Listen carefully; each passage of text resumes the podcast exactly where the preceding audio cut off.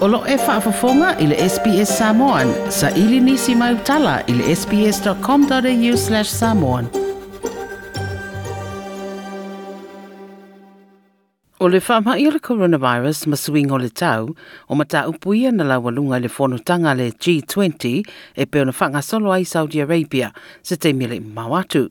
Sui o le G20 e au fiai le pe ama le valus fulpsene o tūlanga whalta mau ainga o le lalolangi po le lua vai tolu o le whaitau a whae o le lalolangi ma le tusa le ma le toru kuata o fe inga whaavau malo. O sui o le whalapa ptonga wha wā malo le nei le G20 e au fia ia tunu e se fulwiba a to ai le Unia Europa na fia ngai mala lato fontanga le Saudi Arabia ma ua pasia ane aima tofi prestene o le whalapa ptonga mai lea tunu ia Italia.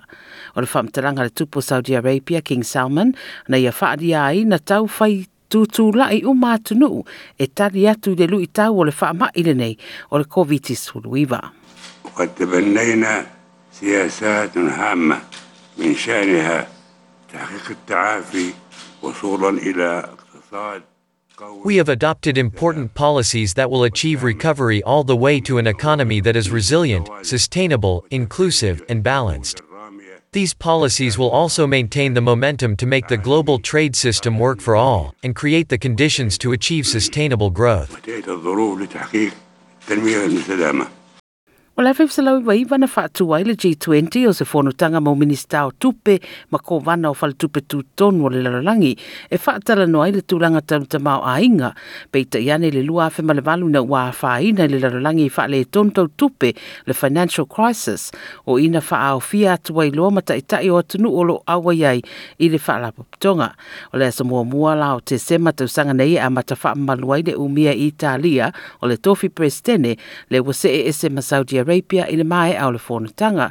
Fa mai le pāle mia o Italia, Giuseppe Conte o le a wha wau o na wha mua mua le tari atu le mai o le coronavirus o lo oa a fiai le lalolangi le teminei. La risposta sanitaria e socio-economica alla pandemia The health and social and economic response to the pandemic, which has caused and continues to cause immense suffering to the human race and has already dealt significant blows to the world economy, will of course continue to be at the top of our agenda to keep the international community's commitment to the COVID 19 response high. We will be committed to addressing the main challenges of the health emergency, with particular reference to universal and equitable access to vaccines, and strengthening health systems. Sistemi sanitari.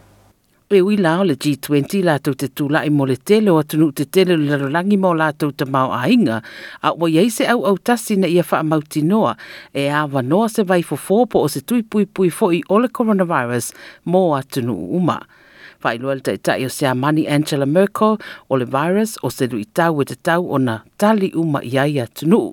Glücklicherweise kann man sagen, gibt es Fortunately, there is now hope for vaccines, and in this respect, the question arises very specifically that we are not only securing vaccines for ourselves in Europe, as the European Commission is doing, but that this is also important and right for all the countries of the world. This has been reaffirmed in particular by the G20 participants from Africa, that is to say by the President of South Africa, Mr. Ramaphosa, and by President Kagame from Rwanda. Germany has paid into this COVAX fund, but there is still a considerable lack of funds and therefore we have to continue here.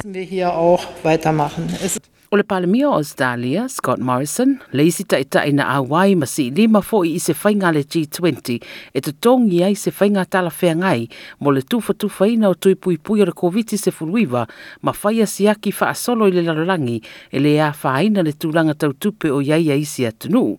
O le lui tau whai whai pea o suinga o le tau o le isi rea mata upuna ngā i te iai wha tala noanga. Whai mai le presidente o Saina Xi Jinping e tā ua mo atunu uma na wha malo sia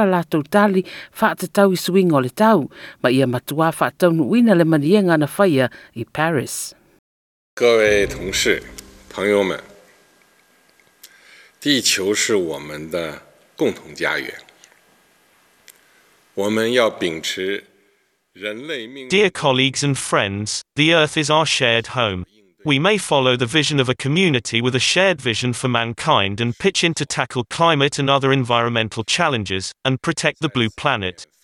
Let me share my thoughts with you on what G20 could do. First, we could strengthen our response to climate change.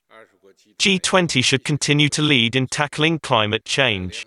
We need to follow the guidance of the UNFCCC and push for the full and effective implementation of the Paris Agreement on climate change. Not long ago, I announced China's initiative to scale up its nationally determined contributions and strive to peak carbon dioxide emissions by 2030 and achieve carbon neutrality by 2060. China will honor its commitment and see the implementation through. Ele fia fia Donald Trump le presidente lo iei peo Amerika le nei manienga e ui mai a le presidente Joe Biden o lo iei le fuafuanga e tui tui nā tu a toa le lango lango a Amerika i le manienga le Paris e a mata le temi a vea alo iai o oh, ia ma presidente. Eh. O le Trump o le manienga le Paris e pito tasi mai a ia o se whainga ina ia wha lea ngai le tamau ah, a inga o Amerika. To protect American workers, I withdrew the United States from the unfair and one sided Paris Climate Accord, a very unfair act for the United States. The Paris Accord was not designed to save the environment, it was designed to kill the American economy. I refuse to surrender millions of American jobs and send trillions of American dollars to the world's worst polluters and environmental offenders. And that's what would have happened. Mai a anga se mai mai le malienga Paris, kasa o ona manga, atu lo le. Our air is 7% cleaner than when I took office. At the same time, we've made America energy independent. Bolstered by our historic tax and regulatory cuts, the United States is now the number one producer of oil and natural gas in the world. I le mai ai o lana tautalanga le fono tanga le G20, na anga i se iloa Trump mai le fono, ai anga i atu ni malai tā polo, e le inofo e wha longolongo i whina ngalo whaaria, o isi ta ita i o le lalolangi. Nei li potin tu whatsia Alan Lee, mai le SBS News, ia ma ua wha liwina, mō lo sila fia.